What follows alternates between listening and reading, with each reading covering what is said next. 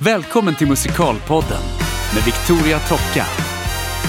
I dagens musikalpodd har jag mitt emot mig den alldeles förtjusande Malena Tuvung. Välkommen till Musikalpodden. Tack så mycket. Du ser också så här lagom mosig ut idag. Vi är Ja. ute på turné just nu med Från Broadway till Duvemåla. Och du var i studion och spelade in hela dagen igår. Ja, Ja. sju timmar. Ja, hur känns det idag? Nej, men det känns jättebra. Ja, Ja. du ser faktiskt helt fräsch ut ändå. Tack ska du ha. Ja. Tur att de inte ser mig i bild tänkte jag säga. Ja. Ja. ja. Eh, nej men en sak som alltid eh, har fascinerat mig med dig sen vi lärde känna varandra för några år sedan är att du är så otroligt proffsig och väl förberedd för allt du ska göra. Eh, och, jag tänker, ja, och jag tänker att det kanske har med din idrottsbakgrund att göra. Vad tror du om det? Jo, men ja, det tror jag säkert. Jag är liksom... När man kommer från idrott så, är man rätt van vid att nöta saker. Liksom. Ja, vad är det för idrott du höll på med? För Jag höll på med konståkning i Ja. ungefär 15 år. Då. Ja, Och då, då kan man ju... Man kan tänka sig, om, säg att man tränar i tre timmar, då kan man lägga en timme på bara öva stegkombinationer, en timme på att bara öva hopp och en timme på att öva på piruetter. Så det är mycket nöta, liksom. ja, göra om och om och om igen samma sak. Så att jag tror att det sitter lite i ryggmärgen det där att nöta saker ja. på något vis. För att jag trivs med det. Alltså, jag känner att ju mer man har nött saker och ju mer förberedd man är, desto friare är du när du väl ska göra någonting, när du står där. Ja, för det tyckte jag var väldigt tydligt igår till exempel. Nu har vi haft turnépremiärer från Broadway till Duvemåla. Vi har repat mycket och så går vi då in i studion för att du skulle spela in eh, till din nya föreställning Evergreen, en Mm. hyllning till Barbara Streisand. Eh, och eh, att du ändå satte var det fem låtar på sex sju timmar Mm. eh, och låtar som är liksom rejält röstmässigt tunga att sjunga och så. Att det ändå Ja. liksom funkade så oerhört bra. Det är imponerande. Ja, ja, vad kul. Tack. Nej, men, eh, men det är väl just det där nötandet då, att det sitter någonstans i, i ryggmärgen också så att man kan plocka fram det. Liksom. Ja. Men eh, skulle du säga att du i första hand är sångerska? Om man säger eh, som musikalartist, alltså sångerska, Oh ja. dansare, skådespelerska. Absolut. Ja. Ja. Hur började du med sång och musik eller musikal? Hur kom du in på det här? Ja, alltså sång eh, var ju det som jag började med och det tror jag att jag egentligen började med, om man ska tänka efter, typ så här kyrkans barntimme om det ens räknas. Liksom. Men, men eh, det har alltid varit eh, en sån självklarhet för mig att sjunga. Ja. Alltså, sen dagis. Jag vet att mina föräldrar eller pappa berättade för mig att eh, mina lämningar på dagis var liksom, eh, eller förskola. Det var alltid till en speciell fröken som en gång gick och satte sig vid pianot med mig varje morgon och satt och spelade. Ah. För att eh, de liksom såg och, och på mig att det var liksom hela mitt, det bara fyllde upp hela mig liksom, med musik. Fantastiskt ändå att ha Ja, en sån... helt otroligt ju. Mm. Ehm, och sen eh, vidare i skolan så var det de här skolkören liksom, som senare gick över i, i körer utanför skolan. Mycket, det är mycket kyrka då som, som gäller om man ska sjunga i kör ofta. Ja. Så att, eh, det känns som att jag har varit med i varenda kör i Göteborgsområdet på något vis. Men jag, jag tyckte väldigt mycket om att blanda också stilar. Att Ja. vara med i ren, eh, mer klassisk kyrkokör och gospelkör. Och, och, Ja. ja, jag blandade verkligen eh, hej vilt. Kanske också för att jag inte riktigt förstod, eller jag vet inte vad, men att man ska begränsa sig till någon speciell genre som sångare. Utan man, jag tyckte allt som hade någon melodi tyckte jag var kul. Liksom. Ja. Och sen började jag ta sånglektioner eh, när jag var ungefär 13. Ja. Och då var det faktiskt en klasskamrat till mig som, som jag, jag frågade henne om vi skulle hänga och då sa hon nej jag kan inte det, jag ska på solosång säger hon då.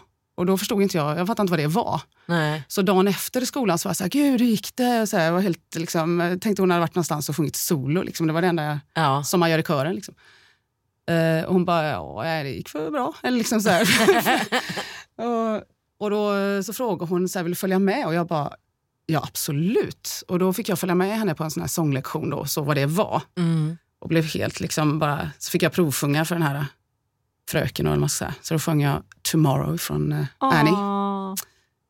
Ja, så började jag ta sånglektioner för henne. Ja.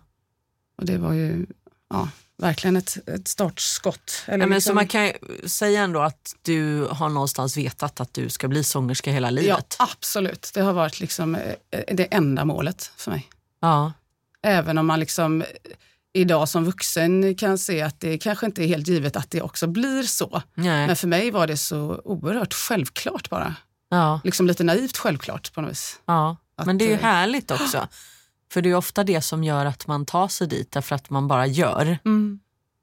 Eh, Jag brukar säga det, jag tycker att det eh, Folk har en tendens att liksom se alla problem framför sig. Att bara, och det blir svårt och det blir svårt. Och liksom Ja. Alla de här hindren på vägen. Ja, Ehm, men jag brukar sällan liksom stapla upp det på det sättet för jag tappar liksom lusten då ja, med saker. Utan jag brukar liksom bara, har jag en, en idé eller ett mål eller en önskan så ja, då ser jag det där framme och sen så tar jag, liksom, sätter jag en fot framför den andra och går framåt och så gör man bara. ja.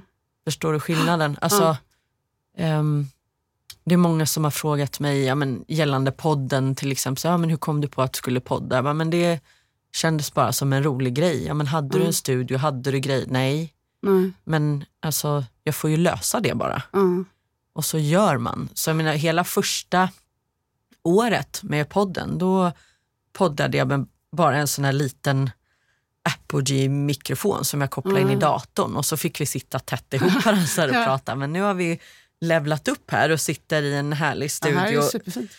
i Stockholm där vi får lite hjälp också. Mm. Så att, eh, det är ju härligt. Men eh, ja, poängen är i alla fall att saker och ting behöver inte vara så himla komplicerade och svåra från början. Man kan ju börja och så göra Ja. bara.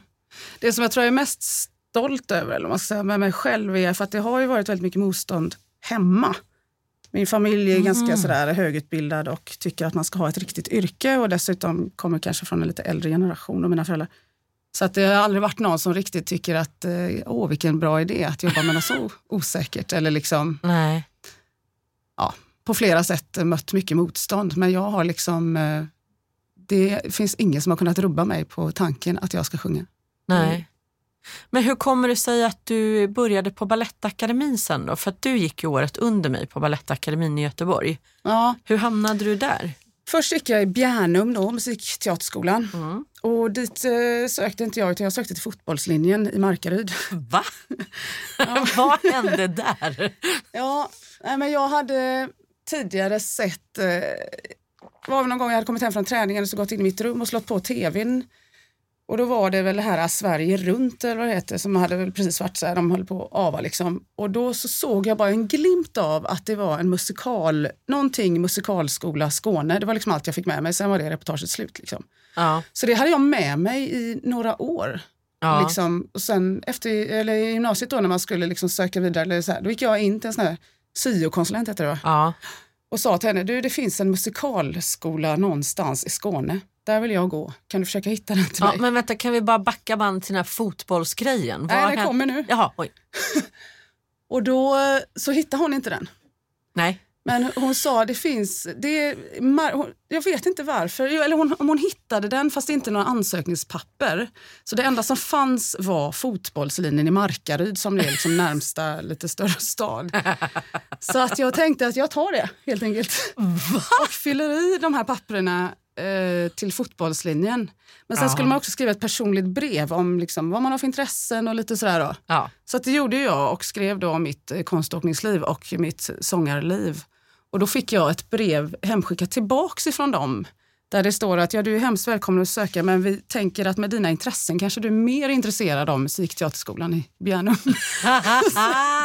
jag dör, vad Eh, roligt. Så, ja, tack. Och det här var ju verkligen på brevens tid också. Det var liksom inte ett litet mejl som kom utan det var så här, det var vi liksom skickar de gamla grekerna. det var Ja, någon som kom en brevduva med liksom. Nej, men, ja. Så då blev det så att de skickade mig vidare helt enkelt till det. Så att jag fick komma i audition i Bjärnum. Ja. Och då åkte vi ner, samlad trupp, eh, hela familjen faktiskt eh, bilade ner. Och då börjar den audition med att man får se eh, klassen innan Ja. gör sin vårshow. Aha. Eller blandat i alla fall från vad de har gjort under året. Och då kände jag, då hade jag aldrig sett någonting sånt. Nej. Och bara kände, herregud vad bra, det här kan inte jag. Så jag, vi får åka hem. Jag, ingen, jag fattar inte vad de gör ens en gång. Det så, jag kan ingenting av det här.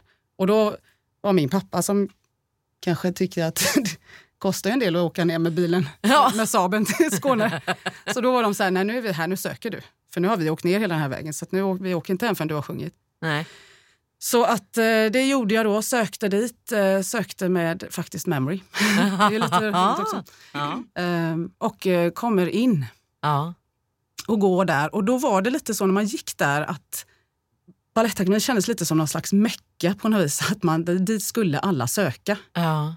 Så att vi åkte också så där i klassen, liksom, alla åkte dit och Ja. sökte Ja. till Balettakademin. Så på den vägen är det. då.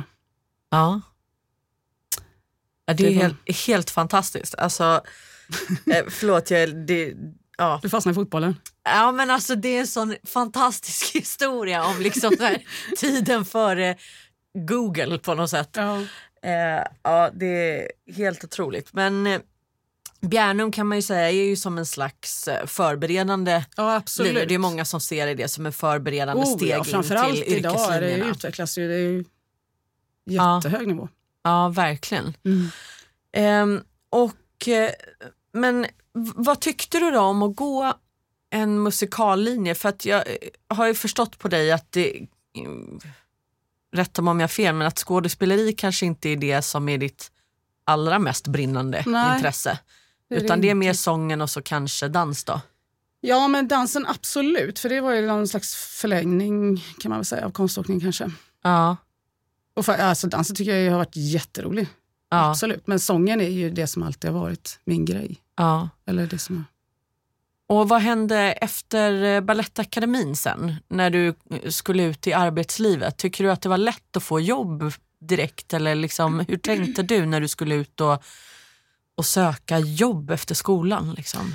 Ja, men lite samma där. Jag tror inte att jag, jag, tänkte, jag tänkte inte när jag sökte till Balettakademin. Jag sökte ju typ bara... Jag sökte bara BA också. Jag sökte inte till dansform heller. Eller PAS. Jag har liksom haft sån tur att jag bara sökt så här en grej och så har jag lyckats få det. Ja, Men, men jag har bara följt vad alla andra gör lite grann. Att så här, nu ska vi gå på auditions, ha, då gör vi det. Och så, jag har inte riktigt... Eh, det har tagit väldigt lång tid för mig att, att landa lite mentalt i vad det är jag egentligen sysslar med. ja, Så att när det var dags att börja söka då gick jag ju bara på... Men det var liksom annorlunda då också, det här är så himla länge sedan. Då var det, det kom upp lappar på anslagstavlan och här är audition här. Det var mycket mer auditions. ja. Idag är det så stängt. Så Mm. man får liksom inte riktigt den... eh, Så vi gick på väldigt många vet jag under våren. Mm. Eh, Det året där du skulle gå ja, ut? när jag och- slutade. Eh, och jag menar, ingenting ju några garantier, men jag hade ju... Jag hade faktiskt tre jobb att välja mellan när jag gick ut. Wow, vad var det för något då? Eh, jag fick, ja, så, och jag är så konstigt, men dels fick jag eh, cha-cha då i Grease. Ja, Vilket var också det jobbet som jag tog. Dels för att jag fick det först. ja. Och det fanns ju inte i min värld att jag skulle bli erbjuden någonting mer. Så det, och sen så är det en jättefin roll att få. Mm. Alltså Mm. superkul. Men sen fick jag, så ringde de till mig från typ Malmö Operan, måste det vara, eller Slakthuset, Slakthuset var det. Och, och frågade om jag ville vara med i Kungen och jag. Ja. Och jag var lite så här, har jag ens sökt det? Tänkte jag. Eller liksom, så jag var lite så nej men det har jag nog inte ens sökt.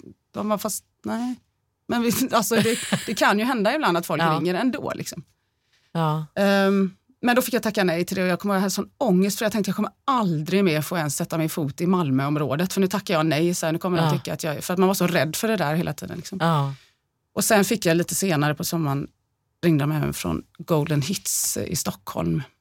Och det kommer jag ihåg att då, då blev jag lite så här ledsen också för att det var något som jag verkligen ville göra just för att det var lite mer åt pophållet också. Då. Ja, Men okej. ehm, ja, det kom ju nya chanser sen. Men det, det förstår man inte riktigt då. Då tänkte man så här, fasen där rök den chansen för mig att få göra det ena eller det andra. Liksom. ja. Jag kunde inte se det perspektivet att jag skulle få jobba, liksom fortsätta jobba hela tiden eh, Nej. med detta. Men det För tror jag är det är ganska ingen som vanligt. vet att man, man får. Nej men det där är ju en ångest som frilans. Ja. ju, Att tacka nej till jobb eller tacka nej till... Jag kan känna att det har ju också kommit med ålder och eh, erfarenhet för min del. Liksom att jag, nu går inte jag på auditions längre, alltså om det inte är någonting som verkligen passar mig. För att jag Mm. känner att jag tackade nej till audition för Häxorna i Eastwick till exempel efter att jag hade lyssnat igenom materialet. För jag kände att det där är inte alls min grej.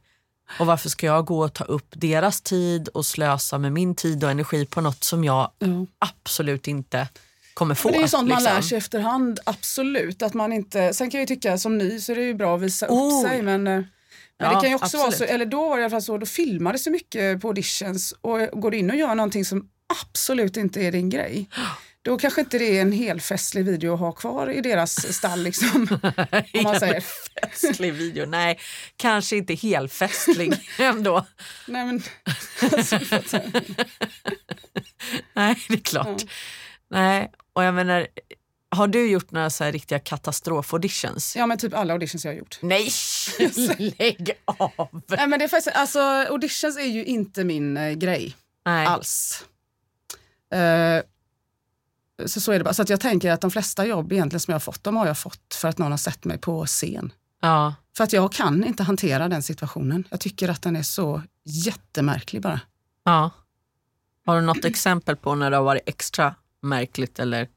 Nej, inte så eh, på rak arm att jag har någon, eh, men jag vet att eh, folk har ibland kommit ut efteråt och frågat mig liksom, vad hände där inne egentligen. alltså, så här, alltså de som man, liksom, till exempel på Operan i Göteborg, så här, som man har Ja. övat mycket med. Ja. som kanske har gått in med inställningen att shit nu ska ni få, nu kommer en bra tjej här och så kommer man in och bara liksom fullständigt råfejlar liksom. Och då har ju de bara så här, vad, fan- vad fan gör du? alltså, vad hände här? Ja. Men det är för att jag, jag, och jag vet inte varför. Det blir så. Men eh, jag, jag fixar inte den eh, situationen riktigt. Men eh, ja men ändå har du ju gjort otroligt mycket stora och bra grejer. ja, det har löst sig ändå. Ja, det har löst sig. Men eh, Ja.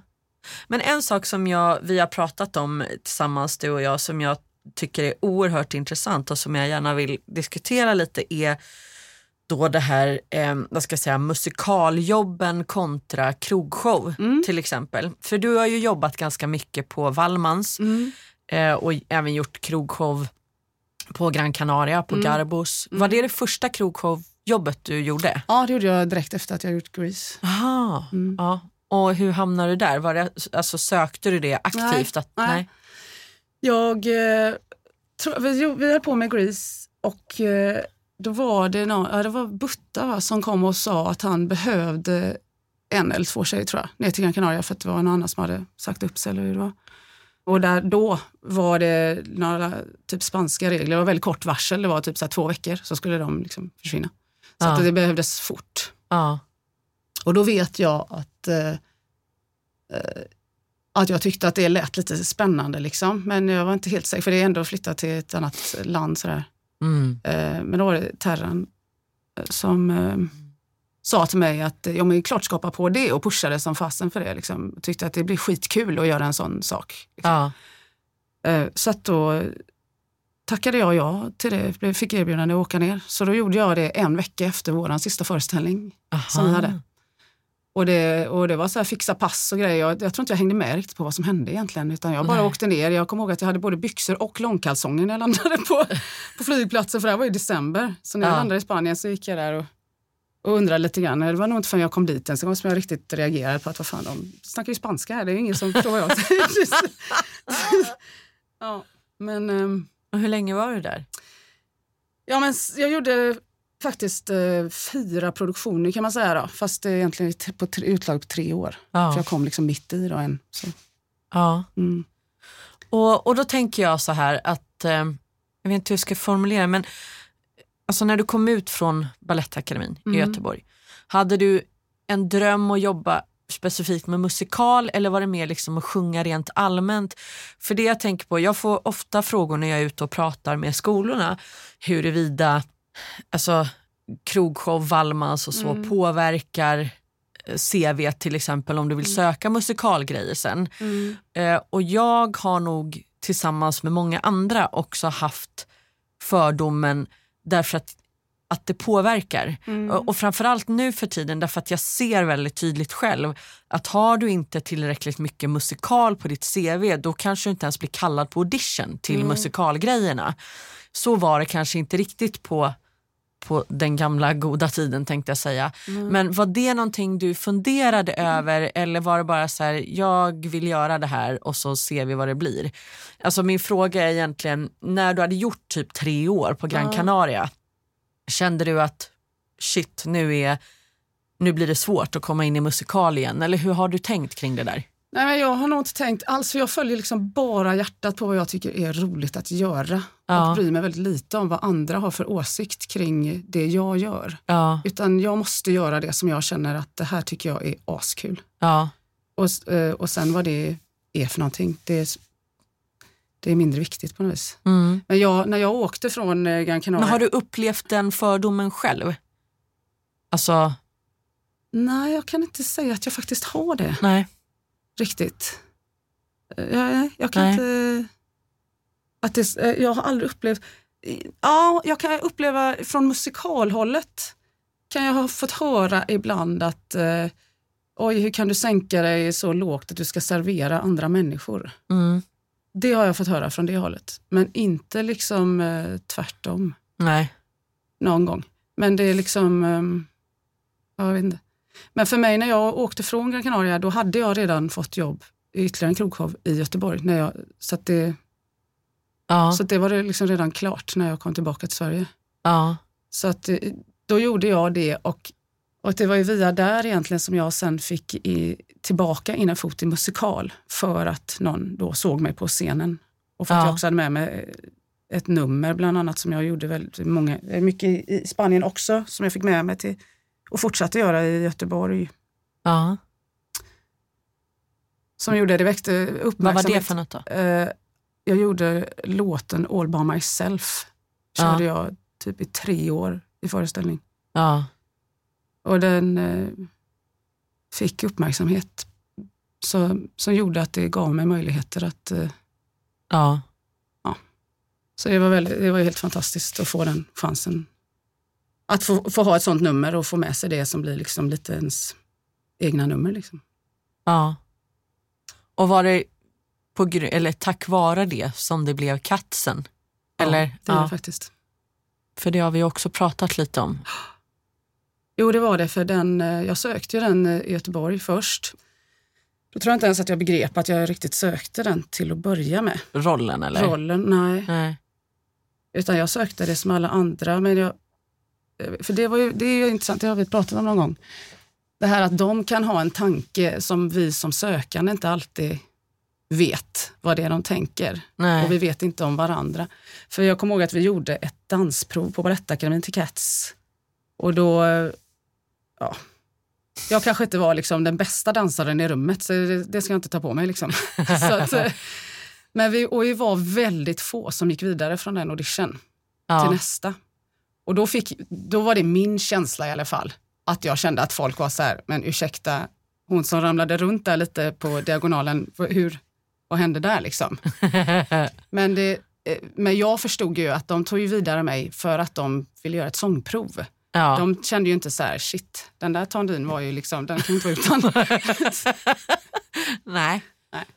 Men det, det förstår man ju inte när man står liksom 50 pers i ett rum och gör dansprov alltid. Varför, Nej. ja, varför får den gå vidare som ser ut sådär när jag är, är skitduktig? Liksom? Ja. För att vi vet inte vad de har för tanke bakom. Nej.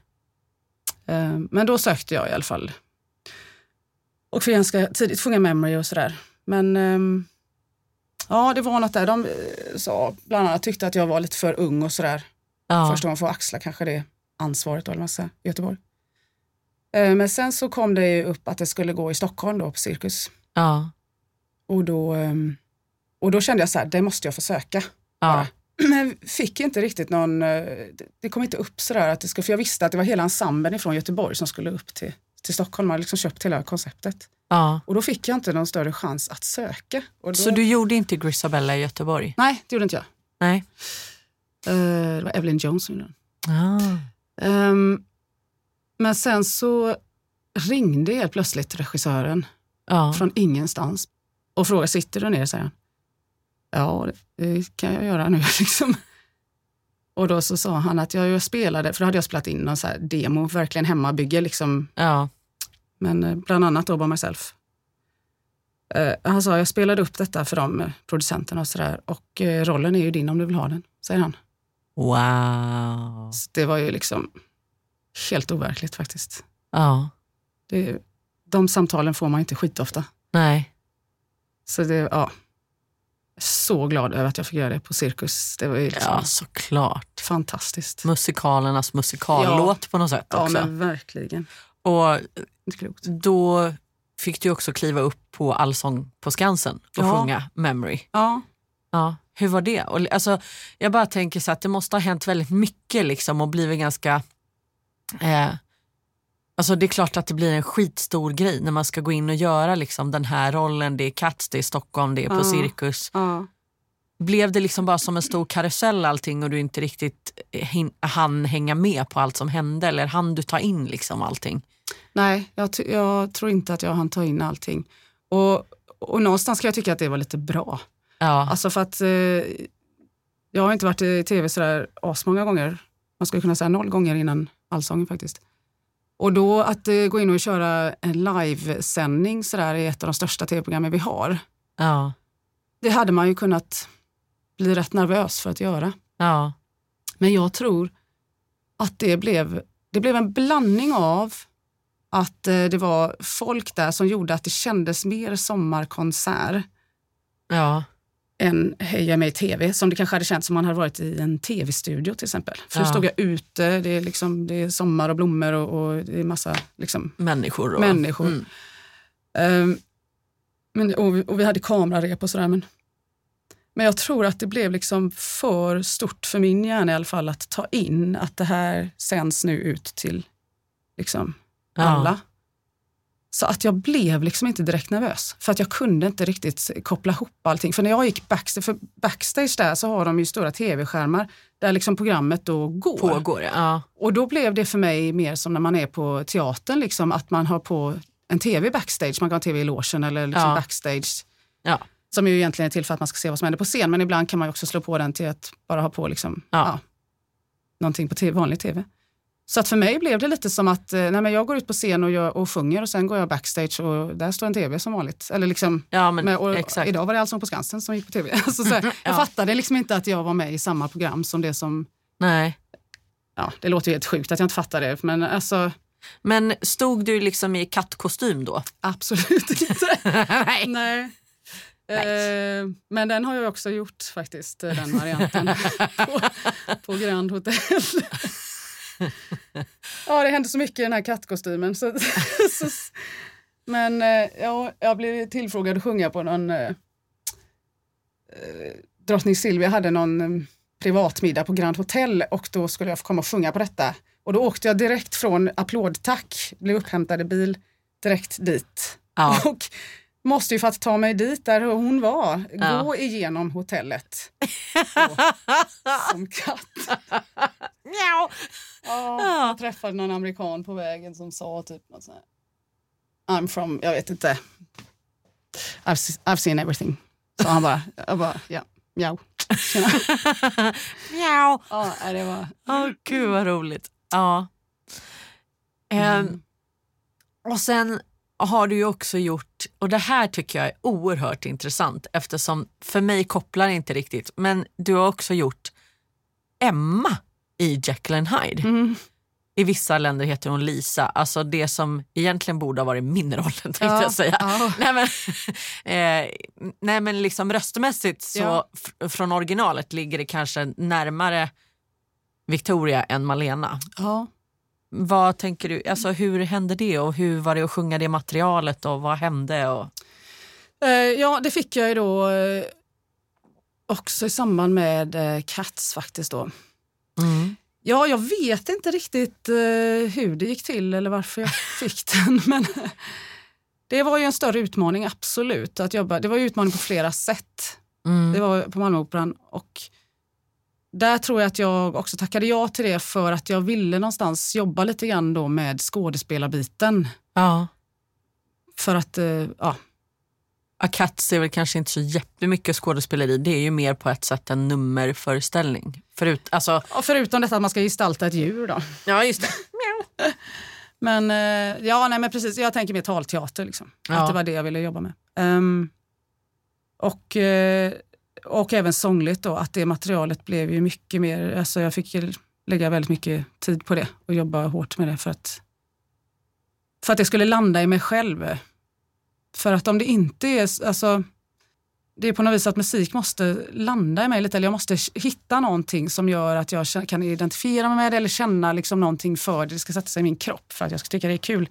Och är det då någonting som jag inte tycker kanske är, är jag eller som jag kan använda som en kanal att uttrycka mig med på ett enkelt sätt, då, då blir det mycket mer svårjobbat. För då blir det mer Ja. tekniskt helt plötsligt.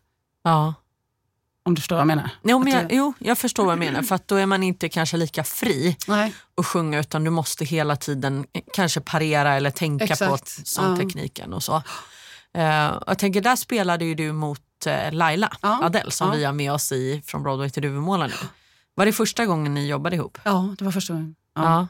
Superkul. Vi hade väldigt roligt. Vi åkte också på turné med den. Ja. att, eh, ja, det kan jag tänka mig. ja, vi hade hemskt kul. High life. Mm. ja, men alltså bara av vad, vad jag kan se eller vara med om själv nu på turné så kan jag ju tänka mig eh, ungefär. Ehm, men eh, sen har ju du också eh, jobbat på Wallmans i Köpenhamn Mm. Eh, på cirkusbyggningen där Mm. som vad jag förstår, nu har inte jag varit där än men jag ska Mm. snart dit, Mm. eh, är deras största Ja. lokal. Mm. Eh, och där vet jag att du var ganska länge och där fick du också en möjlighet att gå in och göra din helt egna del i föreställning Ja. med någon typ av Barbara Streisand-material. Ja. Ja, jag, fick, jag var där tre år Ja. och jag fick eh, möjligheten eh, samtliga åren, vilket var helt... Eh, alltså det händer ju inte liksom att man får det någon annanstans. Och det, det, ger, det gör också att man, eh, man måste ta ett otroligt ansvar, för det är ju liksom en annan typ av huvudroll. Att Ja. göra det, att stå... Jag gjorde ett Whitney Houston eh, första året, eh, Barbara Streisand andra året och Cher tredje året. Mm. Och när man då inte är, är den originalartisten, Nej. men du har 20 minuter drygt som du ska ändå stå framför den här musiken och göra det hyfsat intressant. Eh, Det är ett jätteansvar att få det att bli spännande för publiken. Ja. Och man lär sig otroligt mycket på det. Alltså det jag, har varit ingen annanstans som du, som du kan liksom öva på det. Eller. Nej. Om du inte redan är då en liksom popartist eller vad man säger. Som, Nej. För det tycker jag är väldigt tydligt ehm, när vi ska rollbesätta från Broadway till Duvemåla Mm. till exempel. Att eh, det finns otroligt många fantastiskt bra musikalartister och det finns Mm. otroligt många duktiga konsertsångare men det är inte så jättemånga som klarar av att göra båda sakerna. Nej. Och i Från Broadway till Duvemåla så är ju en av förutsättningarna någonstans att man har jobbat mycket med musikal men sen ska man också komma på scen och leverera som soloartisten Malena eller Victoria. ja. Ehm, och jag har varit med om eh, framförallt eh, musikalartister som har klivit på i, Mm. från Broadway till Duvemåla som nästan får, som inte liksom riktigt vet vad de ska göra med eh, göra med den situationen, att stå Ja. liksom och möta publiken på det sättet. Och där har ju vi diskuterat ganska mycket det här just skolan eller vad man ska säga som man får Ja. på Wallmans där du måste stå och leverera och ta eget ansvar också Ja. för du har inte, eller mm, jag gissar att ni har koreografer och folk som styr över Absolut. numren men det är inte så här, liksom, kanske exakt gå dit, sträcka ut armen. Nej. Alltså, du får inte den typen av regi som man kanske får ibland i, i musikal till exempel. Ja. Ja, det är både och. Vissa saker är ju helkoreograferade och annat Ja. får man ju ta ansvar för själv. Och vi har ju, man är ju en 10-12 pers och du är ju uppbackad av jag menar, helt makalösa kostymer, det är ledskärmar, du har ju liksom alla förutsättningar för att liksom sparka undan hela Las Vegas. eh, Liksom. Mm. Alltså det är verkligen Ja. det är så enormt påkostat. Men någonstans i det så måste du fortfarande själv också leverera. Det räcker inte liksom att bara liksom flyga på den vågen eller hoppas på att dina kamrater ska backa upp dig. Och, Nej. alltså, du måste ta det ansvaret att vara bra, eller massa ja. intressant. Um, Men det är, eh, jag vet själv inte varför det är så, men det är väldigt intressant. För om man tänker alla som är, liksom, eller inte alla, men många musikalartister, skådespelare, man hör alla de här som sitter i Stjärnorna på slottet och berättar sina historier. Liksom så här. De flesta är ju att de just söker den grejen att man vill gå in i en annan roll. Att man kanske ja. använder det som någon flykt, inte vet jag. Men alltså att man, eh, man vill gärna gå in och gömma sig bakom något annat eller gå in i en annan värld. Eller liksom sådär. Ja. Och för mig är det helt tvärtom. Där blir jag jätteosäker. Jag är mycket tryggare om jag får vara mig själv och på något vis då, inte vet jag, berätta min egen historia. Eller jag, jag vet inte vad det är jag gör när jag sjunger. Men, alltså det... hur kändes det då att göra till exempel Emma i, i Jekyll and Hyde som var kanske din största utmaning då ja. mer i en roll ja. på, på ett sätt? Det blir enormt onaturligt bara. Jag blir väldigt obekväm för att jag Också för att i musikal så är det ju så, så var det med Cats och med den och med, med massa annat som jag gjort också, att där är det ju ganska liksom strikt, man ska hålla sig så till hur det är skrivet och det, det ska mm. spelas på ett speciellt sätt. I Cats var det ju så här, för det var någon som kommenterade även när jag gjorde den på Cirkus, någon som, eh, från England som sa till vår eh, dirigent att men är inte hon lite för ung för att göra den? Liksom. Ja. Även då, men det handlade om rösten, hur rösten låter, att det ska vara hyfsat lika världen över. Att det är liksom ja. sådär. Medan jag känner, och det, är inte, det handlar inte om att jag i Cats, alltså i Memory skulle börja waila och köra loss liksom helt galet. Absolut inte. Men, men när jag står och gör liksom, uh, Whitney Houstons linjal, så popmusik, ja. så är jag liksom friare i att uttrycka det jag känner där och då, på också. mitt sätt. Ja, jag fattar. Och den friheten finns inte. Och det är det som jag har haft sedan jag var barn, att jag vill uttrycka mig via sången. Liksom. Ja. Och den friheten finns ju inte i musikal. För att där måste du förhålla dig till liksom det verket. Eller vad man ska säga. Ja, jag förstår. Känner du dig friare på det sättet i Från Broadway till Duvemåla till exempel? Absolut. För allt som är konsertant kan man ju också göra mer på sitt eget sätt, vilket mm. vi gör. Och, nu har vi ett fantastiskt ja. band som också följer väldigt fint. Om man nu skulle få liksom feeling. någon feeling på, åt något håll. Eller liksom, men, Sen mår jag väldigt bra av att ha någon som styr mig också. Jag tror att det är bra för mig, för annars skulle jag kunna dra på saker säkert. Så det blir väldigt långt. Men, men, eh, men ett samspel där, att kunna få känna... Jag tror mer att det handlar om känslan, att känna att du är, har en frihet. Sen tror jag att, det sa han i studion igår till exempel, att eh, nu har vi tagit liksom tre tagningar och de låter exakt likadant. I princip. Ja. Alltså, att jag har ju ofta satt en grund efter, eftersom att jag ja, lägger ner mycket. Ja, jag har planerat. Ja. Och då har jag gjort det grundarbetet innan. Det kan ju vara liksom sex månader innan som jag sitter och arbetar med någonting, liksom, om jag vet att jag ska göra det. Ja. Och då, hittar jag ju, då, då letar jag inspiration, då går jag in på Youtube och så letar jag inspiration liksom från hela världen. Och Det kan vara liksom allt från att det är en sjuåring som står i ett köpcenter och sjunger den låten eller att det är någon på en stor scen. Alltså, den som gör någonting svinbra, den plockar jag liksom inspiration från. Ja. Och sen eh, plockar jag ihop allt det som jag känner att det här, det här skulle jag vilja använda, eller det här tar jag till mig. Ja. Och, och eh, så skapar jag liksom en, någon slags version. Och sen så kör jag på det på något vis.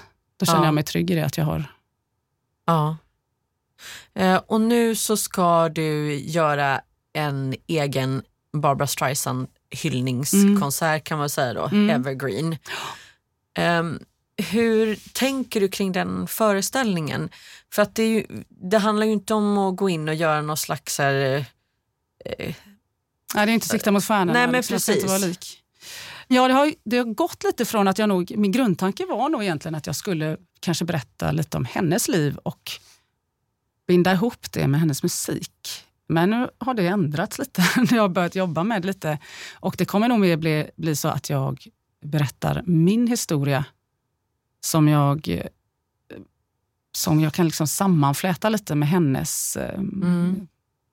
historia kanske och berätta det med hennes musik. Då. Mm. På något vis. Just för att eh, ja, men plocka fram lite det här med som folk säger att jag kanske påminner lite om henne och sådär, eller utseende, liksom att vi är lite lika och sådär. Och, och då kommer jag kanske prata en del om det här överhuvudtaget med utseende och min hur det har varit att se ut som jag, om man säger, min ja. Eh, uppväxt. Ja.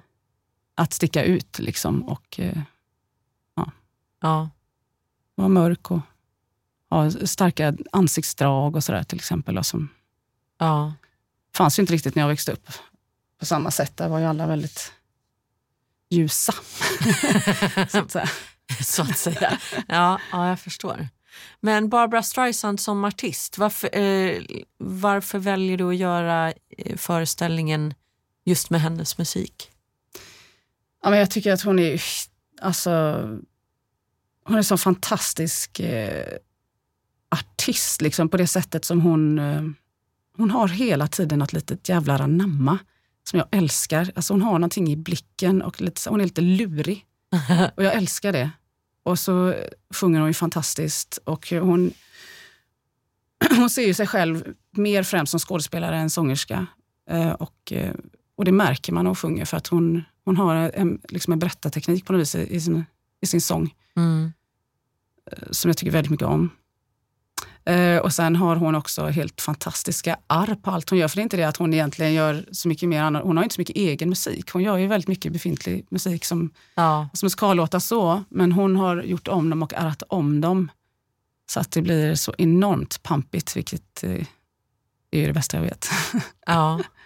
Men i den här sättningen så kommer du göra allt från eh, alltså, föreställningar med bara piano. Ja Eh, och än så länge så är väl den största sättningen fyra mm. musiker. Mm. Hur tänker du kring det då? Jo men alltså grejen är att även om man bara har ett piano så är det liksom arrat för fortfarande att det blir pampigt på något vis. Ja. Det är skrivet så och det är, så det spelar inte så stor roll. Nej. Men, och sen har de ju andra saker som, som inte är jättepampiga heller som är väldigt fint att växla med. Alltså som är Ja, som är mycket mer lugna. Liksom, som jag, ja. ja men jag tycker väldigt mycket om uh, allting. Som hon, hon har ju också jobbat ganska brett faktiskt, mm. genremässigt. Och gett sig in i liksom lite pop och, och lite sådär också. Ja. Um, sen har hon sagt i intervjuer att hon själv inte är jätteförtjust i just det, men hon har dock gjort det och det är väldigt roligt. Jag tror en av de första grejerna som jag gjorde som var hon det var nog den No more tears, enough is enough. Um, I Spanien. Ja. Men, och hur ser Malena Tuvung på framtiden nu? Då? Vad, vad ser du framför dig och har du fortfarande några eh, ska säga, drömroller eller dröm, drömmar som du skulle vilja uppfylla som artist framöver? Ja, alltså min dröm är ju att eh, det här projektet skulle växa. Mm. Och att jag får möjlighet att göra det kanske med symfoniorkestern en dag. Ja. Det hade varit eh, helt fantastiskt. Ja. Det är det jag ser. Jag har ju inte riktigt de här musikaldröm, alltså Nej, drömrollerna. Även om jag nog gärna skulle kunna göra musikal igen, absolut. Ja. Men jag har heller inte det här eh, liksom rollen som jag går och drömmer om. Nej. Det har jag inte. Nej. Men jag menar, att alltid få sjunga och vara sångerska i alla sammanhang, det är ju min dröm. Liksom. Att få fortsätta arbeta med det. Ja. Och om man skulle ge lite vad ska jag säga, tips och råd till unga eh, artister och musikalartister idag, de som kommer direkt ut från skolan och sådär. Vad kan vi ge dem? liksom? Ja, men Ja, det, det är lätt att försöka snabbare än vad jag gjorde hitta sig själv lite grann, landa i vem man är. Ja. Så att man hittar liksom vad man vill göra. För det är så lätt att sväva ut, att, att man är, vill vara med lite här och där, att man inte hittar riktigt vem man är. Nej. Skulle jag säga. Mm. Också, det, det märkte, man, märkte jag när jag gick i skolan, så att man strävar oftast kanske efter att man vill vara eller sjunga som någon som man egentligen inte är. Se till vad du har istället. Var glad för det och jobba med det. Liksom. Istället för att sträva efter något annat som kanske inte alls är du. För poängen är ju att vi ska vara olika också. Vi, vi ska inte vara likadana. Det är inte liksom en fabrik där det kommer ut. Nej. För då har vi ingen användning för alltså, Alla måste ju vara olika. Ja. Så att man kan sätta ihop det. Ja. Nej, och en sak som jag tycker är väldigt viktig eh, det är just det här att inse att det är ett yrke, det är ett jobb vi mm. håller på med. Uh, och att även om man älskar det och tycker att det är väldigt roligt så måste man nöta, man måste mm. jobba, man måste lägga ner tiden och energin. Um, alltså man, man har ett mycket större ansvar själv än vad man kanske tror. ehm, jag, menar, jag är också en sån som, som förbereder mig mycket inför Mm. jobb. När jag går in i en repetitionsperiod till exempel så har jag oftast gjort ett enormt stort förarbete eh, själv. Och jag tänker att det finns också eh, de som väljer att starta arbetet först när de kommer till första repdag. Ja. Eh, och jag kan se en ganska stor skillnad i, om jag säger över tid, Mm. vad det gör med ens artisteri och ens karriär och så vidare. Att det är liksom, jag tror att ska man eh, jobba i det här yrket Mm. eh, och göra det under lång tid, och då krävs det liksom att man lägger ner tiden och att man hela tiden jobbar. Eh, och det kan ju vara allt från att eh, Alltså om man inte är i produktion till exempel, se till att man går till, till gymmet och håller sig i, i form. Och med det pratar inte jag om att man måste ha en viss kroppsform, men eh, för att orka Ja. snarare än liksom att vara smal och vältränad. För det, där är det också härligt med många olika vad ska jag säga, Ja. utseenden och kroppstyper. Men liksom, eh, att hålla sig i någorlunda fysisk eh, och mental form, att hela tiden uppdatera eh, kanske sitt sångmaterial. Jag kan själv känna att det är lätt när man eh, blir lite äldre, alltså nu är jag inte supergammal men jag är ändå över 40, att jag kan i alla fall känna att det är lätt att bli bekväm i Mm. det materialet jag sjunger och att det liksom Ska jag iväg och göra konserter så är det nästan alltid samma Mm. låtar och sådär. Och där har jag försökt i år till exempel att utmana mig från Broadway till Duvemåla med att byta ut en del grejer och göra sånt som är helt nytt för mig för att jag ska säga, tvinga mig själv att vara tvungen att sätta mig ner och repa in nya texter och repa in nytt material för att liksom någonstans hålla mig själv Mm. fräsch eller vad jag ska säga. Ehm, Ja, det, det är ju mycket disciplin tycker jag också. Alltså, och när det kommer till sådana saker så känner jag att även om jag har stått och sjungit en låt liksom 600-700 gånger så är ju jag sån som lite nördig där att jag tycker att det är skitkul att se om jag kan hitta nya vägar att gå med samma låt. Liksom, kan Ja. jag vända och vrida på det liksom, hur mycket som helst. Men, men det som jag tror ibland att folk kanske glömmer lite grann just när det kommer till sång då. För det är ju också ett instrument och om du spelar någonting annat, inte vet jag, liksom fiol, piano, klarinett, då måste du ju öva på ditt instrument. mm, Eh, och det måste vi också göra som sångare. mm, Man kan inte bara tänka att ja, men det sitter ju där i halsen, liksom, för det gör det inte. nej, Utan man måste, liksom, och jag kan absolut lägga, nu är det svårare när vi är ute, och, för, men nu jobbar vi ju, men när jag är hemma liksom sådär, då kanske jag lägger en, två timmar om dagen till att öva olika saker. Liksom. ja.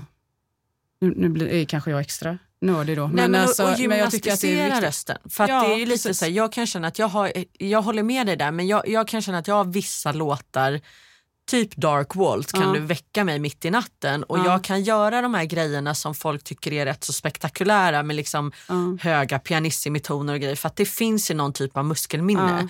Sen tycker jag ändå att det är roligt att liksom varje gång utmana mig själv och tänka lite annorlunda. Men det finns ju vissa låtar som bara sitter i kroppen för att du har gjort det så otroligt mycket. Och där kan jag känna att det finns en eh, utmaning för mig som, som sångerska också att då, vad ska jag säga, inte bli bekväm i Nej. att bara sjunga det här material som sitter i kroppen. Nej. Utan att, för så fort du plockar in ett annat material då, ska du, då måste du börja gymnastisera rösten i den Ja. formen igen. Förstår vad jag tänk, menar då? Absolut, men nu pratar du bara rent musikaliskt. Ja, och jag menar till exempel, till exempel med Memory då, som jag stod och gjorde, då vet jag att folk ibland kommenterade när jag stod och, och grejade med den eller sjöng med den så varje dag.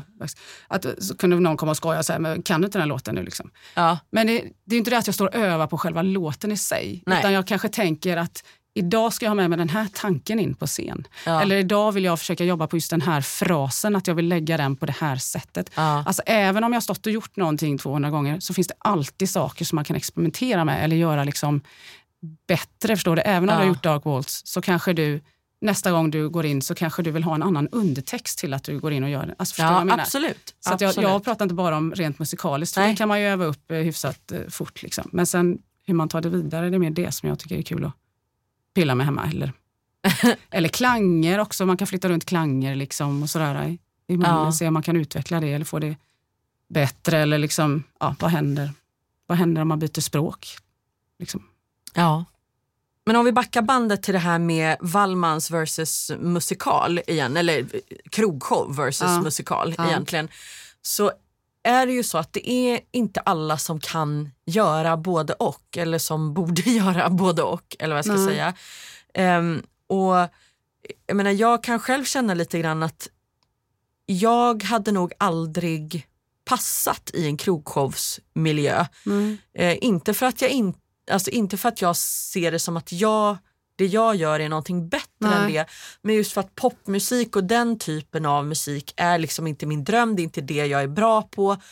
Och då hade jag liksom kunnat hamna lite grann tror jag i ett läge där jag hade vantrivs på jobbet av Ja. att behöva liksom stå och sjunga musik jag inte gillar att sjunga eh, och servera och på den tiden jag precis gick ut skolan i alla fall då fick man ju fortfarande röka överallt Ja. och sådär. Men eh, du har ju pratat om att eh, det främst är musiken som har styrt dina val. Ja, jag har ju aldrig, jag har aldrig sett det som att, eh, att det är just själva liksom serverandet, det är inte det som drar. Nej. Utan det är ju musiken, att jag har sett att då får jag sjunga de här låtarna eller den här typen av musiken. Och Wallmans har ju en enorm bredd på det man får göra också under en kväll. För jag har ju sjungit jag tror till och med jag sjungit typ från Phantom, alltså i något Ja. sammanhang ända fram till liksom eh, Metallica och Lady Gaga. Alltså förstå, man, Ja. man blandar något så enormt på genrer. Och, Ja. vilket jag ju tycker är superkul. Som, som kommer egentligen från hela min barndom, det här med att jag blandade gospel och Stabat Mater. Liksom. Alltså, Ja. Men du har ju också suttit med på auditions för Wallmans. ja, sådär, inte för, eller? men för Garbos satt jag Ja, med. Ja, krogshow och sådär. Och där, alltså det är just det där att lite grann, det är det jag menar med när jag säger till de yngre framförallt att hitta sin grej. Att kanske ha lite mera självinsikt eller ska säga. Att veta vad, vem är jag och vad, gör, vad, vad kan jag göra? Vad passar jag liksom Ja. för. För det är, för många, många år sedan, vet jag, alltså när jag gick i skolan, då, då kunde man ha den fördomen att man tänkte att ja, ja, får jag inte ett musikaljobb, då kan jag väl ta Ja. typ Wallmans.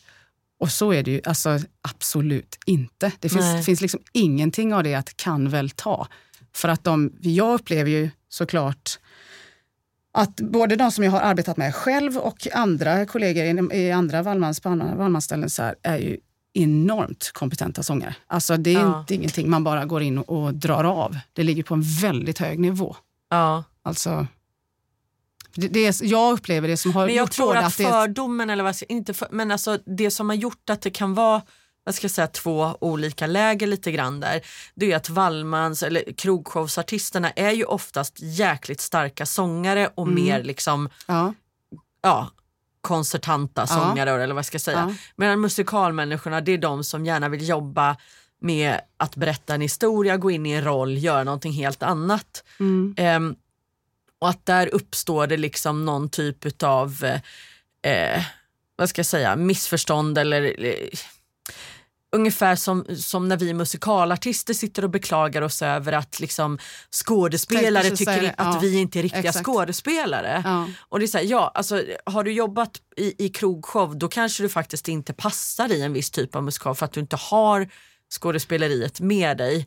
Eller så. Men det finns ju sådana som du som Absolut. verkligen som rör sig ganska obehindrat mellan de här två formerna och det är ju inte så himla vanligt ändå. Nej, och där har jag upplevt att det är lite två grupper som man liksom lite hoppar emellan. Inte alltid. Nu har det, tycker jag det blandats upp mer. Ja, Eh, kanske framförallt med dansare och så också. ja, Eh, Men att man kan mötas på båda ställena så att säga. Ja. Men, men innan har det nog varit så att jag tycker att det har varit en grupp liksom som, jag, som jag ofta möter då i krogshowsvärlden och så en grupp musikal. Att jag har studsat lite emellan liksom. ja, För att det är olika världar. Det är det ju absolut. ja. Men ingen är liksom bättre eller sämre än någon annan om man säger. Alltså alla Nej, det är olika är väl, bara. det, är bara, det är bara olika. Men jag kan tänka mig att det kan bli en del krockar där då när det kommer eventuella musikalare så att säga som oj jag får väl ta det här för att jag inte får ett musikaljobb. Ja, fast idag skulle jag säga alltså att eh, du, jag tror inte att du skulle få ett eh, jobb. Nej. Alltså det, det finns liksom inte för att det krävs att du är på, det är så mycket som krävs för att du ska kunna, som jag sa innan, att du ska kunna hantera att eh, vara en artist i dig själv när du står på en krogshow Ja. och kunna leverera det. Ja. Så att det finns liksom inte det här att får väl ta.